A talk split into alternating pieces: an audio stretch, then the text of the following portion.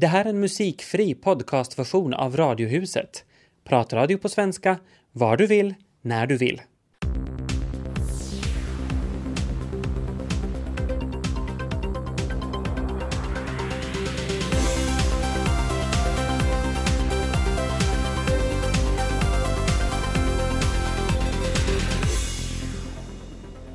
Här börjar Radiohuset onsdag och vi är med dig i radion ända fram till fem. Och idag ska vi tala om något tabubelagt. Något som det inte är lätt att tala om, nämligen kvinnor som är våldsamma. Och så ska vi tala om att det går att spara energi om man bara vill och det finns det goda exempel på. Med Tobias Larsson och Ami Lassila, välkomna med. Maria Lindros, välkommen. Tack. Du jobbar inom Mariaakademin med våldsamma kvinnor och ni har jobbat redan i tio år. Hur ser man idag på en kvinna som använder våld? Ja, vi har jobbat nästan i tio år. Alltså vi började med det här Demeter-verksamheten 2003 eller fick Penningautomatföreningens eh, stöd till det då. Och det, där, och det vill säga att nästa år är då tio års jubileum och det där. Och då, eh, 2003, var det nog väldigt tabubelagt att man man kunde knappt ta upp ämnet kvinnans våld men, men i dagens läge så har det ändrat och, och tack för att du bjöd mig hit också för att tala om det här ämnet. Det hjälper ju förstås att, att, det, där, att det blir lite mera allmänt och, och, och mera förstått vad det är frågan om. Att, att det är en allmän sak och, och nu för tiden så kan man nog tala om i, i synnerhet när man tänker på uh, det där våld i parförhållande så går det nog att prata om det ganska bra redan men sen, sen när man kommer till att mamman kan vara våldsam mot sina barn så det nog ligger ganska mycket under sån här tabu skal eller hur ska man säga. Mm. Mm. Just precis har vi igen upplevt en sån här familjetragedi där, där då en förälder tar livet av sin familj. Mm vad finns det man kan göra för att hindra att det går så här? Nu vill då inrikesministeriet reda ut det här om det går att göra någonting. Vad kan man göra? Mm. Ja, det är väldigt, väldigt tragiska saker att det där eh, och händelser. Att det där att det som, som jag tänker om, om att, att vi borde, borde nog eh, gå mera mot det här förebyggande attityden i samhället och, och det där se lite under de, under de här händelserna att, att det, där, det som vi anser att är mycket viktigt äh, är de här mänskliga dynamikerna, de här psykodynamiken bakom de här händelserna och, och vill liksom förstå dem och, och förstå det här fenomenet och, och, och dess dynamik. Då. Vad, vad betyder det här psykodynamik bakom händelsen? Vad, vad tänker du på då? Mm, det, det ingår då liksom att man, man går ända till barndomen och vad som har hänt där och hur man har blivit sedd och bekräftad i barndomen. Att det är sådana saker som vi jobbar med med våra klienter, våra kvinnor och, och det där och vill förstå det här, det här djupa. Det är ju en annan sak än att, att, att förstå det här fenomenet, är en annan sak att, än att, att godkänna. Det är ju inte att godkänna våldsamt beteende utan det är att, att förstå det här fenomenet och det har vi, vi märkt nog att, att det där att det minskar radikalt på, på det här beteendet när, när en kvinna för, börjar förstå sig själv och får tag på sitt så kallade inre manuskript så som vi kallar det. Vad är de här signalerna då om man tänker att man ser på en familj när man ska då kunna kanske gå in och förhindra att något fruktansvärt inträffar? Mm. Det där, ja det, det att, att det där att räkna upp tecken liksom på det här. Så istället så funderar jag på, på just det här hur yrkesmänniskor behöver hjälp att ta ansvar för det här förebyggande och det där. Och, och, och, för att kunna lita på, på liksom mänskligheten och växelverkan mellan, mellan då till exempel just yrkesmänniskor och klienter och, och få tag då på de här olika tecken som kan vara så hemskt många och olika. Och, ja. På vilket sätt är då kvinnors våld annorlunda än männens? No, då, då kommer vi just till den här psykodynamiken och vi talar om sån här köns, äh, könsspecifik teori så att säga. Att, det där, att, att den här så kallade mm, psykiska, äh, det där, vad heter det, förlossningen, psykiska förlossningen lite annorlunda hos kvinnor och män. Att vi föds från kvinnor, både kvinnor och män och så blir det lite olika. Att de här rötterna så att säga är, fast de där händelserna och, och, och beteende kan se liksom likadant ut också, så, så, det där, mm, så är rötterna lite olika hos kvinnor och män. Och sen hos kvinnor så det där så är nog det här när, våldet i närförhållanden mm, det som är mycket all, allmänt hos kvinnor eller att det kommer mera ut i, i närförhållanden. Du menar hur då? Alltså, uh, jag menar i familje, just fam, som familjevåld, att det, det är kvinnans... Uh, ja, varifrån kommer det här våldsamma mönstret då för en kvinna? Ja, no, om man inte har blivit bemött som barn tillräckligt så blir man eh, blir liksom identiteten eller den där Eh, känslan och upplevelsen om vem man är så blir, blir ganska tom och sen, sen det där får man inte, eh, man får inte liksom, när man inte lär sig känna sig själv och får, förstår inte, eh, får inte den här förståelsen varifrån, hur känslorna är och varför de är och varför de är, vad de är viktiga för. Så, så det där, så blir, blir man på sätt och vis hjälplös i de här situationerna. Mm, hur ska man handskas med det här då? Ja, jag tycker att, att det där just det att få nya, nya mönster genom ny, ny växelverkan. Så det är det som vi upplever att, att är det viktiga och som vi faktiskt har, har insett att, att hjälper. hjälper mm, hur, hur, får man in de här nya mönstren då? Det, ny, ny växelverkan, till exempel just vår verksamhet, Demeter-verksamhet, som är, vi har sån här trefasmodell som, och, och, och liksom den här växelverkan med, med till exempel den här Demeter-terapeuten blir mycket viktig. Och sen också i våra grupper med de där grupp med, andra gruppmedlemmar, så hela helheten är det som hjälper och som botar liksom att, att när det har uppstått det här problemet eller, eller det här mönstret i, i en relation då i barndomen och så, så är hoppet det att, att det går att, att, att bota i en ny slags relation och när man får liksom det här bekräftelse från andra människorelationer. Och, ja. No, nu är väl tröskeln för att, hur hög egentligen tröskeln för att man ska söka hjälp i en sån här mm. grupp? No, ja, just det att vi försöker nog va, att vara sån här låg tröskel, liksom att det skulle vara så lätt som möjligt att ringa till Avoin linja, vilket är alltså det, det är menat för kvinnor som är våldsamma eller som är rädda för sin våldsamhet och det är den här, den här mm, förebyggande sidan just som vi tänker att det där att det är så viktigt att man kan liksom ta, kontakta oss redan före någonting har hänt egentligen. Och det där, men att, att många kvinnor nog säger att de kan gå och bära på telefonnumren i till och med år, att, flera år att det där före de vågar kontakta, att den där skammen och, och, och, skulden är så stark. Men att, att, för, att använda de här känslorna just för, att, för sig själv och, och för att hjälpa sig själv så, och, och, och därmed sin familj sen också så det där. Så det är nog mycket, mycket, mycket viktigt. Och det där, om jag berättar ännu det här, den här modellen så det där så eh, så vi har alltså den här telefonlinjen och så har vi så, så, och det är landsomfattande den här telefonlinjen. Och sen efter det så bjuder vi sådana vad heter det, eh, individuella samtal och vi, vi, har, vi, har våra, vi, vi fungerar i Helsingfors och i Tammerfors för, för tillfället och så tar vi emot i Riimäki och i Uleåborg också delvis. Det... om, om tröskeln är ändå ganska hög för att söka sig till en så här, mm. man går omkring med det här telefonnumret till och med i några år, så vad kan oroliga anhöriga göra då i den situationen när, när kvinnan själv inte ännu har sökt hjälp eller kanske aldrig vågar göra det?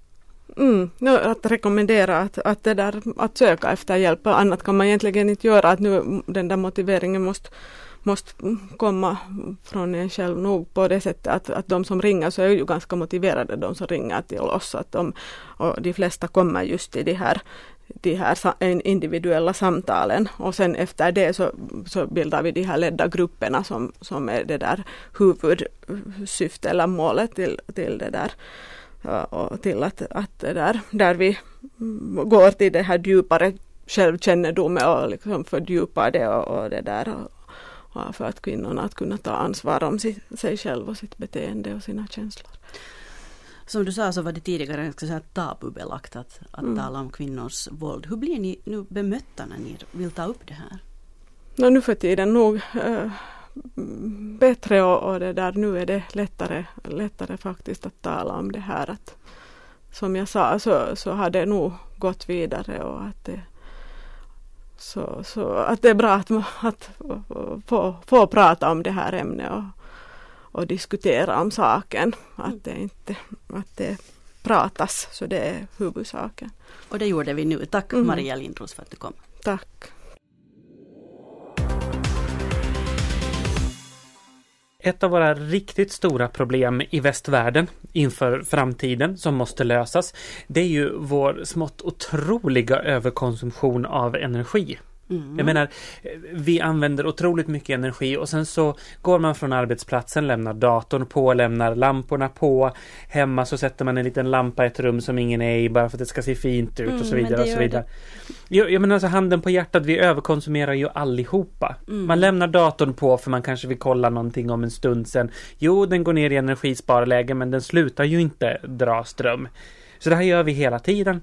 Och har dåligt samvete. Och har dåligt samvete. Mm. I, I, Sverige så har faktiskt en av eh, landets största handelsorganisationer lagt upp, lagt upp nya riktlinjer för hur man ska bygga miljövänligare butiker. Mm. Och i Göteborg förra året så startade man den första butiken som är byggd enligt det här, enligt det här konceptet då. Um, och, och, målet är ju då att kraftigt radikalt minska energiförbrukningen.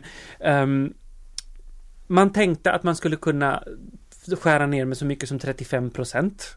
Och nu ett år senare när man utvärderar så visar det sig att man har lyckats ännu bättre.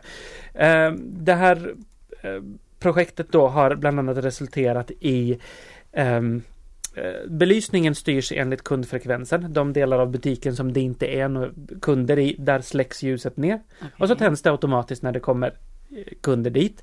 Man har lock på alla kyl och frysdiskar. Mm, men det eh, börjar man ju nästan ha på ganska många ställen. Ja, men, alltså, men det, är så, det är så här enkla, enkla lösningar. Ja. LED-belysning utanför istället för vanliga, vanlig traditionell belysning. Mm. Och ser du, hela 10% av besparingen ligger i att man har satt karuselldörrar istället för vanliga automatiska dörrar. Okay. Som drar helt otroligt mycket energi. Aj, tänk, det har jag aldrig tänkt på. Men hur många människor har fastnat i de här karuselldörrarna? Ja, det, kärror? men man får bara bygga tillräckligt stora karuselldörrar så kommer man ja, igenom i precis. Aj, men det har jag ju faktiskt sett också några enorma karuseller där det ryms kärror och saker. Just mm. det. Mm. Så alla ni som byter era, era lampor hemma till så här lågenergilampor och försöker spara energi. Låt er uppmuntras av det här. Det är faktiskt inte helt hopplöst. Det går att göra en klar förbättring i energiförbrukningen med ganska enkla medel.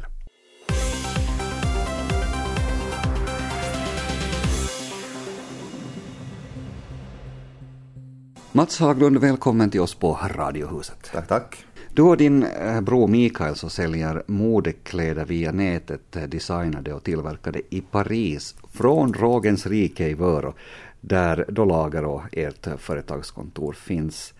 Hur gick det här till? Ja, hördu, hur gick det här till? Ja, det var en bra fråga faktiskt. Att, uh, det är nog någonting vi har funderat på ganska länge nu det här och egentligen är det min brors idé det här. Att uh, nu har jag ju förstås, nu har jag bott 18 år i Paris och uh, han har ju förstås varit mycket och hälsat på och sådär och så är han också själv så intresserad av kläder så han har ju shoppat förstås mm. och kommit hem då med nya kläder. Och så har folk då frågat liksom, men var har du köpt det här och, och vilken snygg jacka och så vidare. Och så sa han att men det finns någonting, är någon marknad på det här att folk vill ha några sådana där kläder och allting eftersom det inte finns förstås här då. Att, mm. Sådana där saker då liksom han har hittat och köpt. Så han sa att men finns någonting till den och så började vi fundera lite och, och sen hade det bara blivit utvecklat och så, och så blev det MM Brothers till sist då. Mm. Men, men Ser du hopp om oss österbottniska karlar att vi kan bli lite sådär du vet, modesnitsiga? ja, för nu tror jag att, att, att idag är ju så att både karlarna är nog att nu söker det lika mycket som kvinnor. Jag tror till, till, till och med ännu mer kräsna än vad kvinnorna är. Tror nog här. Kan hända ja. Ja, jag tror nog att de, liksom, de söker ännu längre och att, att kanske kvinnorna är så impulsiva när de gör sina köp. Men hej inte karlarna. De, de vet precis vad de vill ha, tror nog jag. Men vi ska förstås hoppa tillbaka lite i tiden. Du sa att du hade Ja. varit 18 år i, Paris. Eh, Berätta hur det gick till. Ja, jag gick ju på akademi på den tiden då och då hade jag en kompis som hon studerade på franska då. Och hon sa att nu ska jag sticka iväg till Paris på ett år. Och så sa men jag hänger med. Så vi stack iväg då, det var ju liksom bara menat att det skulle bara vara ett år då. Och så for vi iväg och då tänkte jag, tror om jag far till Paris så nu måste jag ju studera någonting så det konstnärligt eller någonting sånt. Och jag har ju alltid varit lite så det konstintresserad förstås. Så jag tänkte att men jag går på en sån där designskola. Så gick jag då ett år och så tänkte jag men det här var ju kul så kan jag ju sluta nu inte. Så gick jag två år och så gick jag till tre år och gick slut och förstås på skolan. Och så fick man arbetspraktik och så ledde en sak till en annan sak och så rullade förstås allting på livet då bara att. Och sedan det har jag nog varit där nu 18 år. Hurdant var nu livet där i, i modesvängen i lejonets käftar? Alltså, det går väl inte att vara mera på, på rätt plats än i Paris? Nej, stämmer. Man säger ju det att det är modets mecka liksom. Så att, ja, det är liksom eh, 100-200 kilometer i timmen som det går framåt och allting. Och, och det gäller nog bara att de har vassa armbågar och om en man är från Vörå så nu klarar man sig nog. man lär ju sig uh, från, från åren och åren och allting så att Jag, jag kan tänka mig att det är en järnhård bransch, men man det är behöver passa. faktiskt det och, och, och, och, och så dessutom är ju att varenda år kommer det nya ut för skolan. Så konkurrensen blir ju bara mer och mer och sen blir man själv äldre och så är det här nya då som, som förstås är mer, kanske mer i, svängen och tycker om, mer om trend och allting så det gäller att hänga med. Mm. Det är heller inte liksom att okej men att nu har jag färdigstuderat och nu har jag haft sån erfarenhet att nu kan man sitta och typ luta tillbaka och tycka att oj, oj vad jag är bra. Men det går inte utan det är nog nästan tvärtom att man måste liksom man blir äldre så måste man hänga ännu mer vad som händer. Kom du i kontakt med någon av de här stora giganterna då också, eller hur, hur blev det? Ja, alltså jag, jag studerade ju då och fick då arbetspraktik och var som uh, designassistent då i början. Uh, Då var ju inte Finland med i EU, så det var ju lite svårt att få sån uh, arbetstillstånd. Så att det blev ju som bara på ett år som man fick och så måste man förnya. Och att för att få det här arbetstillståndet så måste man ha fast anställning. Man fick inte vara liksom frilansare på, eller som, som de kallar på Frankrike så finns det två olika kontrakt. Man, man har CDI där man är fastanställd och så finns det CDD där man då till exempel är sån här projektarbete som man kunde då jobb fyra månader eller fem månader. Och då var jag, hade jag ett sånt problem att jag hade bara sån projektarbete att jag fick inte sån där fast anställning. Och så hade jag en kompis som, hon var svensk och hon jobbade på en sån här butik som heter Colette som är en sån där känd eh, multibrand butik i Paris. Hon sa att de söker någon som skulle göra sådana skyltfönster och allting. Att, att, att sök någon så får du fast anställning. Så jag sökte dit och, och fick det här jobbet. Och jag jobbade där i, i, i fem, sex år och då började karriären den sväng lite då för då blev det så här skyltfönster. Och det var ju någonting som man sa att wow det här var ju kul och allting. Och på den tiden kunde man ju inte, man, man, det fanns inte någon sån utbildning heller att göra skyltfönstren. Idag finns det spe- speciella skolor och så linjer att man kan göra det. Så jag började göra det då där och, och tyckte det var kul och det var en sån, sån här trendig butik som att varenda vecka så måste man, måste man byta fönster. Så det var väldigt intensivt. Och, och en bra skola för att jag, liksom, jag var ju på nytt lärde jag mig någonting. Sen blev jag liksom rekryterad där av, av en kvinna som har ett, ett företag som heter Paul and Joe och som har både herr och damkläder och det var inte så stort då på den tiden men det har ju växt nu idag och är ju internationellt företag. Och eh, just jag, när jag gick i skolan så gick jag på en skola som heter Esmod och de har en sån här arbetsförmedling liksom, som ingår i skolan så man fick alltid sådana annonser via brevlådan då. Man hade ju inte internet då ännu så det var nog, brev, det var nog via papper som man fick. Mm. Och ehm, då fick då, för just hon som hade en arbetsförmedlingsbyrån så hade öppnat en egen agentur och då hade hon hört att jag höll på med skyltfönster och då kontaktade hon mig och sa att hördu jag har en kund som, som söker någon då men hon sa inte vem den där kunden var. Att, att vill du komma på en arbetsintervju och på det så sa jag nej men varför inte. Så var jag på intervju och allting och det var för att arbeta för Chanel. Och jag fick det här jobbet och för dem så jobbade jag i hela sex år. Mm. Och jag var ansvarig för eh, norra Europa så jag reste väldigt mycket av och an. Och då liksom kolla butiker och allting och, och, och det var ju kul men det blir lite tufft i, i, i längden att, att resa eftersom man är Eftersom det var i Europa så det blir sådana korta resor så att ibland stänger man upp typ så här sex på morgonen för att kunna vara nio i butiken och sen då butiken stängd så kommer man hem och så var nästa dag samma sak nästan igen. Mm. Så att, men det är ju roligt på en tid och allting och sen samtidigt då så hade jag en kompis som hon eh, hade sådana koncept om att göra ett sånt här eh, butikhotell som är väldigt trendigt idag. Och det är sådana små lite så här personligare hotell. Och hon hade då köpt ett sånt här hus mitt i Montmartre inne i Paris och eh, ville göra typ bara sådana fem sviter då i det här hotellet. Och hon frågade kan du inte ge mig något råd vad, vad ska jag ha för färg på väggarna, vad ska vi sätta för möbler och allting. Så jag började lite hjälp till och allt sånt. Och så, och så blev det bara mer och mer och mer och mer och till sist så blev det nästan att jag, jag, jag, jag gjorde nog åtminstone en våning i alla fall, 100 procent. Men att det blev liksom att jag var så, så hun, mer än 100 procent med i det här projektet och det var ju inte meningen. Men mm. det var bara kul liksom att, eh, som jag sa tidigare, att man måste vara med och, och, och se vad som händer och allting. Att det, det är just med den här med trenden att man får får inte bara hålla på med mode utan man ska hålla på med allt. Det är en livsstil helt enkelt. Mm. Orkar du med allt det här bara för att du var så ung då? Eller? Nej, nu håller jag samma, jag samma som jag sa tidigare att jag var tio minuter försenad men jag har som, håller på med tio saker så jag kommer inte iväg av mig själv utan här tror jag någonting som medfött fel. mm. Så allt snurrar på där i, i allt hekt, mer hektisk hastighet men, men så valde du ändå småningom att komma hem tillbaka till, till Vörå. Varför? Ja, no, det var ju att just att jag ville arbeta för mig själv. För att efter det här hotellprojektet då så fick jag väldigt bra med press och då bestämde jag att göra mig som frilansare. Så jag har ju varit frilansare i Paris nu de fyra, fem senaste åren. Mm. Och, eh, men jag ville ha någonting ännu mer. Det, det hjälpte inte bara att vara, inte frilansare, utan jag ville ha något lite så personligt projekt. Och, och, vi har nog diskuterat med, med brodern och allting ganska länge om det här. Så att det har, det har funnits i baktankarna hela tiden men jag har aldrig vågat liksom att realisera eller vi båda eftersom det är ju inte, jag är inte ensam utan min mm. bror Mikael som är med på projektet. Så att eh, det är nog en sån liten boll som vi har lekt med i flera år och, och det här, så nu sa vi att nej nu, nu slår vi till.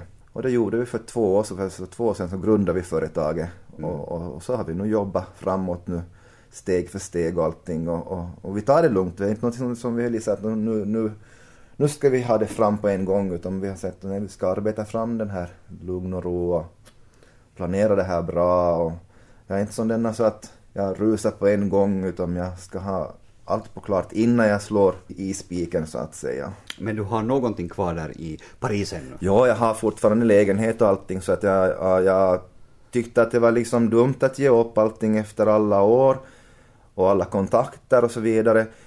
Och så dessutom som jag återkommer alltid med den här trenden att det är viktigt att vara med och hänga med. Så jag tänkte att om jag ger upp Paris så blir det här konceptet med MM Brothers liksom inte samma sak då. För att idén med MM Brothers är ju just att vi säger liksom Paris-kläder liksom. Vi tar lite Paris-hit i Österbotten egentligen. Mm. Och de här kläderna som ni nu säljer härifrån så är de för både kvinnor och män? Det är både för kvinnor och män. Det har vi har som Mm. Och hur ska vi se ut nu i vår? Vi är alla väldigt intresserade av det där. Hur vi ska se ut i vår? Ja, ja. no, det är ju, har ju varit mycket sådana här 80-talstrender som har hängt med nu ganska länge och, och här kör man nog fortfarande på allting men sen är ju förstås det är ju, ska, vi, vi pratar ju om, om herrar här och allting och, och, och, det blir ju, är ju marknad som bara växer och växer för att som sagt herrarna är kräsna och vi vet precis vad de vill ha. Så att uh, det är ju en sån här jättestor marknad som, som öppnas och, och utvidgas. Och, och herrtrenden och allting sånt blir bara mer och mer eleganta. Mm. Den stora dandydismen är ju liksom tillbaka, så både slipsar och sånt är ju jätteviktiga idag. Och så då ser man nu på det här yngre och att, att det går med slips och flugor och hatten kommer tillbaka och halsdukar och sådana där accessoarer som man kanske inte förr tyckte att men äsch, kan man ju ha på och sånt inte. Okay. Men så, sådana saker är ju riktigt sådana, om man tänker nu på sådana nyckelaccessoarer för herrar och sånt. Ja. ja. vi får inte glömma bort kvinnorna heller, Nej, för så får jag själv. hur, ska, hur ska de klara Absolut inte. Nu, nu, nu i vinter har vi ju sett väldigt mycket att den här röda färgen har ju varit väldigt, väldigt närvarande och allting. Att, och, och färger blir det bara mera. Och, och mycket tryck kommer ju förstås nu i sommar. Och det ska vara blommigt och allting. Och, och, och det är nog både 50-talet och 60 och 70-talet. Det är lite blandat för kvinnan. Mm. Och, och så är det nog den här nordiska, ska vi säga folketniska uh, trenden som, som, som vi har haft i vinter, så den fortsätter nog in i sommaren. Och det ser man med smycken och allt möjligt, att det är lite sådär hantverkarstil, att man liksom att, Mm. så det är nog trendigt. Då får vi tacka dig Mats Haglund för att du, du tittade förbi här och så önskar vi dig och Mikael lycka till med, med eh, branschen. Tackar själv. Och det var Peter Falund som hade träffat Mats Haglund, modedesigner från Vörå. Här för en tid sedan snackade ju du Tobias om den här stackars innebandykillen i Sverige som hade blivit övergiven av sin pappa efter en match. Och nu visade det sig att hela historien var ett missförstånd. En tränare från ett annat lag hade hittat en kille då i bara spelkläder ute i minusgrader. Men han hade inte blivit övergiven av en ilsken pappa som alla trodde. Utan pappan satt i bilen på andra sidan hallen och väntade. Men det som var ganska intressant var att den här historien blev jätte, jätte uppblåst. Både tidningarna i Sverige och Finland skrev om det och alla upprörde sig jätte, jättemycket. Alltså helt rätt förstås om den här historien hade varit sann. Mm, sen kan man ju spekulera i hur vettigt det är att tidningar blåser upp en historia av det här slaget utan att kontrollera om den stämmer. Mm. Men egentligen om man tänker att, att både Sverige och Finland att det skrevs och spreds utanför Sveriges gränser överlag så jag tror att det kanske kan tyda på att vi har lite dåligt samvete i, i sådana här frågor. Just det där att, att verkligen våga ingripa när man märker att det- ett barn far illa. Eh, det var en kollega som nyligen berättade om en tågresa där en pappa hade betett sig jättedåligt mot sina två barn, ungefär tre och sex år gamla hela vägen. Tala fult till dem och dissa dem och knip i foten. Och, och hon satt hela resan och, och mådde illa över hans beteende och våndades om vad hon egentligen borde göra. Nu ska man gå fram och säga att så där beter man sig inte. Men så var det någon annan som föreslog att ah, man kan ju alltid gå förbi och säga någonting i stil med kiva farsa du är. Och så var det någon tredje som ville ringa till myndigheterna men där är det ju svårt att veta vem ska man ringa till när man sitter på ett tåg och inte har en aning om varifrån den här familjen kommer. Och så undrar man att blir det värre för barnen om man går fram framför dem och kritiserar pappan eller får han sig en tankeväckare? Nolltolerans är nog jättebra men ganska svårt.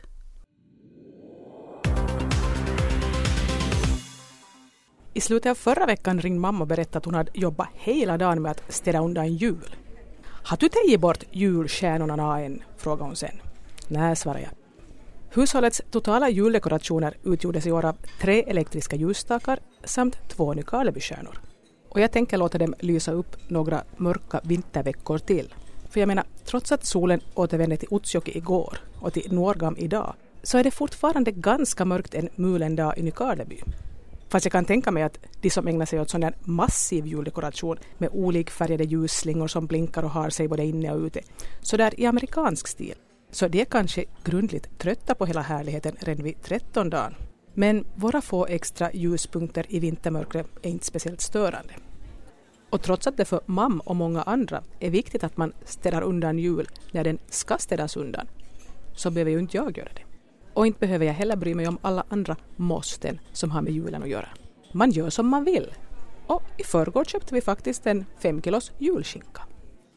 Förr när jag var yngre och mera obalanserad så brukade jag säga att det enda positiva med den här tröstlösa tiden på året är att det är väldigt långt till jul.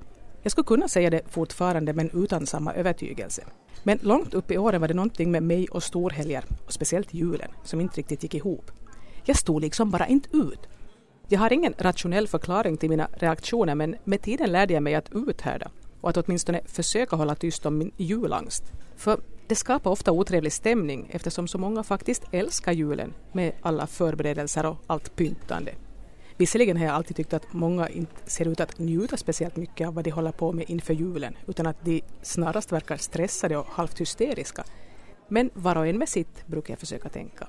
Ändå tror jag att min tidigare mycket starka julnoja hade att göra med att jag på något plan lät mig påverkas av den där allmänna stämningen. Och så kände jag mig oduglig och värdelös när jag helt enkelt inte är en sån som tycker om att pynta, pyssla och städa.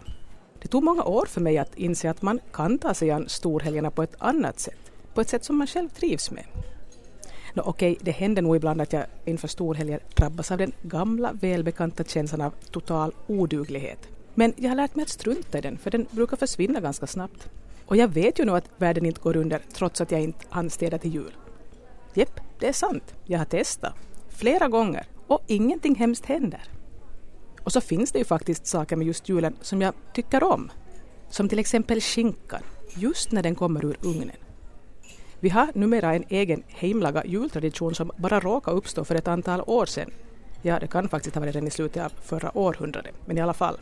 Det var så här att vi natten före julafton hade en skinka i ugnen.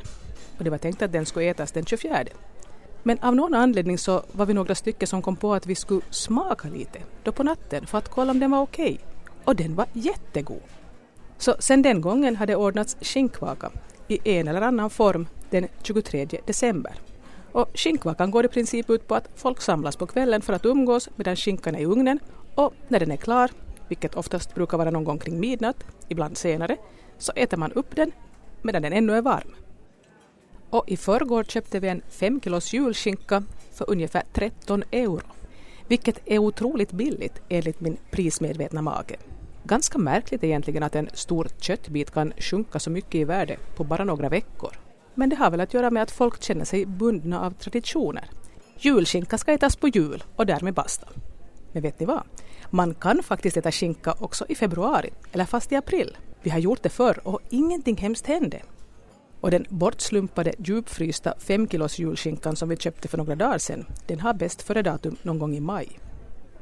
Mitt namn är Ann-Sofie Sandström och jag har nu någonting att se fram emot i vintermörkret, nämligen en extra insatt skinkvaka någon gång under våren. I måndags pratade vi om den här kapsejsade färjan Costa Concordia som ju gått på grund utanför Italien. Av allt att döma till följd av kaptenens fullständiga oaktsamhet. Och nu kommer kaptenen med mer och mer bizarra förklaringar till att han övergav sitt sjunkande skepp istället för att organisera evakuering. Han påstår själv att fartyget hade en sån otrolig lutning brant lutning så medan han försökte organisera hur folk skulle gå i livbåtar så skulle han ha snubblat och råkat ramla ner i en livbåt. Och därför hade han lämnat skeppet. Och det var inte alls avsiktligt då. Eh, innan han då sen vägrade att återvända till kommandobryggan. Men det är ganska fruktansvärda de här samtalen, eller de här utskrifterna av de här samtalen som man har kunnat läsa idag. Plus de här bilderna från, från evakueringen när människor står i, i klungor på, på den här kapsejsade båten och väntar på att få komma i livbåtarna. Um, han har ju nog haft en väldigt tur om han har ramlat och råkat hamna i en livbåt, det kan man ju säga. Före de lokala nyheterna så talar vi om den dramatiska olyckan med kryssningsfartyget Costa Concordia. Finländska Pirjo Altonen Brame befinner sig på ön Giljo där fartyget gick på grund. Jag ringde upp henne tidigare idag och frågade hur människorna på plats reagerat på den här händelsen. Folk är ju förstås rädda för det här naturkatastrofen. Förstås är det ju först, först och främst det att så många människor har drunknat och dött men, men att även det där naturkatastrofen är ju som efteråt då det viktiga problemet, eller det stora problemet. Att, att alla, alla som är här så, så tänker ju förstås på att hur, hur det blir för stränderna och så där. Gilje är ju otroligt vacker ö. Hela kusten är ju full med sandstränder och små byar och, och det är jättevackert och mycket, mycket verksamhet på stranden. Folk springer och sen just det här Giljo där denna fartyget finns just nu så, så det, det är ju ganska äh, känt äh, område för dykarna och sådana där så att, att, det är ju bara några, med, några hundra meter från, från det där stället där de brukar dyka och sådär. Vad har ni fått för direktiv av myndigheterna? Vad, vad, finns det någonting som lokalbefolkningen har uppmanats att göra eller vara beredda på? No, det vet jag ingenting om, att hur mycket, hur mycket de hjälper till och sådär, men det har ju inte hänt någon naturkatastrof ännu, men att eh, nu, nu, är det förberedelse. Det, det, har de sagt att genast de har, eh, de är säkra på att det inte eh, finns någonting, att, något liv att rädda något mera, så då är det ju först nästa åtgärd det här att de fixar bommar och gör sådana saker att inte, om oljan kommer in i havet så så att då är det ju, då är det grymt. Jag, jag kan inte ens inbilla mig vad det betyder. Då. I nyhetsrapporteringen så framstår ju skeppets kapten som inte speciellt kraftfull eller ansvarstagande. Eh, vad säger folk om honom och hans insats? No, alla är mycket arga på honom. Det är nog det där. Det, det kommer ju alltid fram då man diskuterar med någon att de är jättearga. Att hur kan det vara? Och sen också att de tycker att han ljuger om det här. Att vem som har lämnat båten sist och sådär så att vi, de är arga. Och sen förstås att man ska bara, men det är ju så typiskt italienskt att då man, då man liksom först tycker att skönhet och njutning och sånt där eh, kommer först och sen först säkerheten och tryggheten. Att man vill gärna visa båten för Giljoborna och, och så tuta lite och vinka lite och sådär. Att det, det är ju det som har varit lite, lite att folk har varit mycket irriterade av det nu själv. De har vaknat själva också att så här ska det inte gå, nu ska det bli mycket sträng, mera stränga regler och sådär. Ja, för fartyget gick väldigt nära land enligt pressuppgift då för att visa upp båten för de boende. Det är det. Eh, det är absolut det. Hur vanligt är det att fartyg passerar så nära? No, vi, vi har faktiskt läst här och hört att eh, den här Gilios borgmästare har skickat någon gång till någon kapten som har gjort så här, just precis som den här kaptenen gjorde. Att åkt nära så får Giljoborna och turisterna komma till stranden och vinka åt det här stora fartyget och sen är ju de här turisterna där ombord och vinkar och så där. Det är som liksom teater.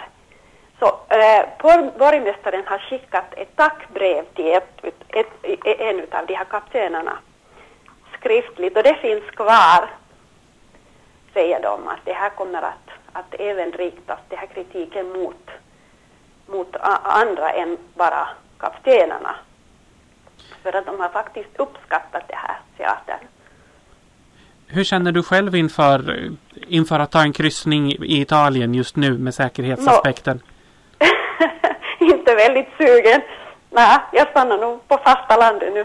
Man måste ju fundera lite, att hur, men jag tror att efter det här, för att italienarna lär sig nog, men det, det är ganska, ganska, ganska äh, dyrt det här nu. Att, att, så då man ska betala det med för många liv och sådär, men att nu tror jag att reglerna blir strängare och sen kan man kanske tänka sig att nu tar vi en tur. Det sa Pirjo Aaltonen Braume på telefon från italienska Giglio.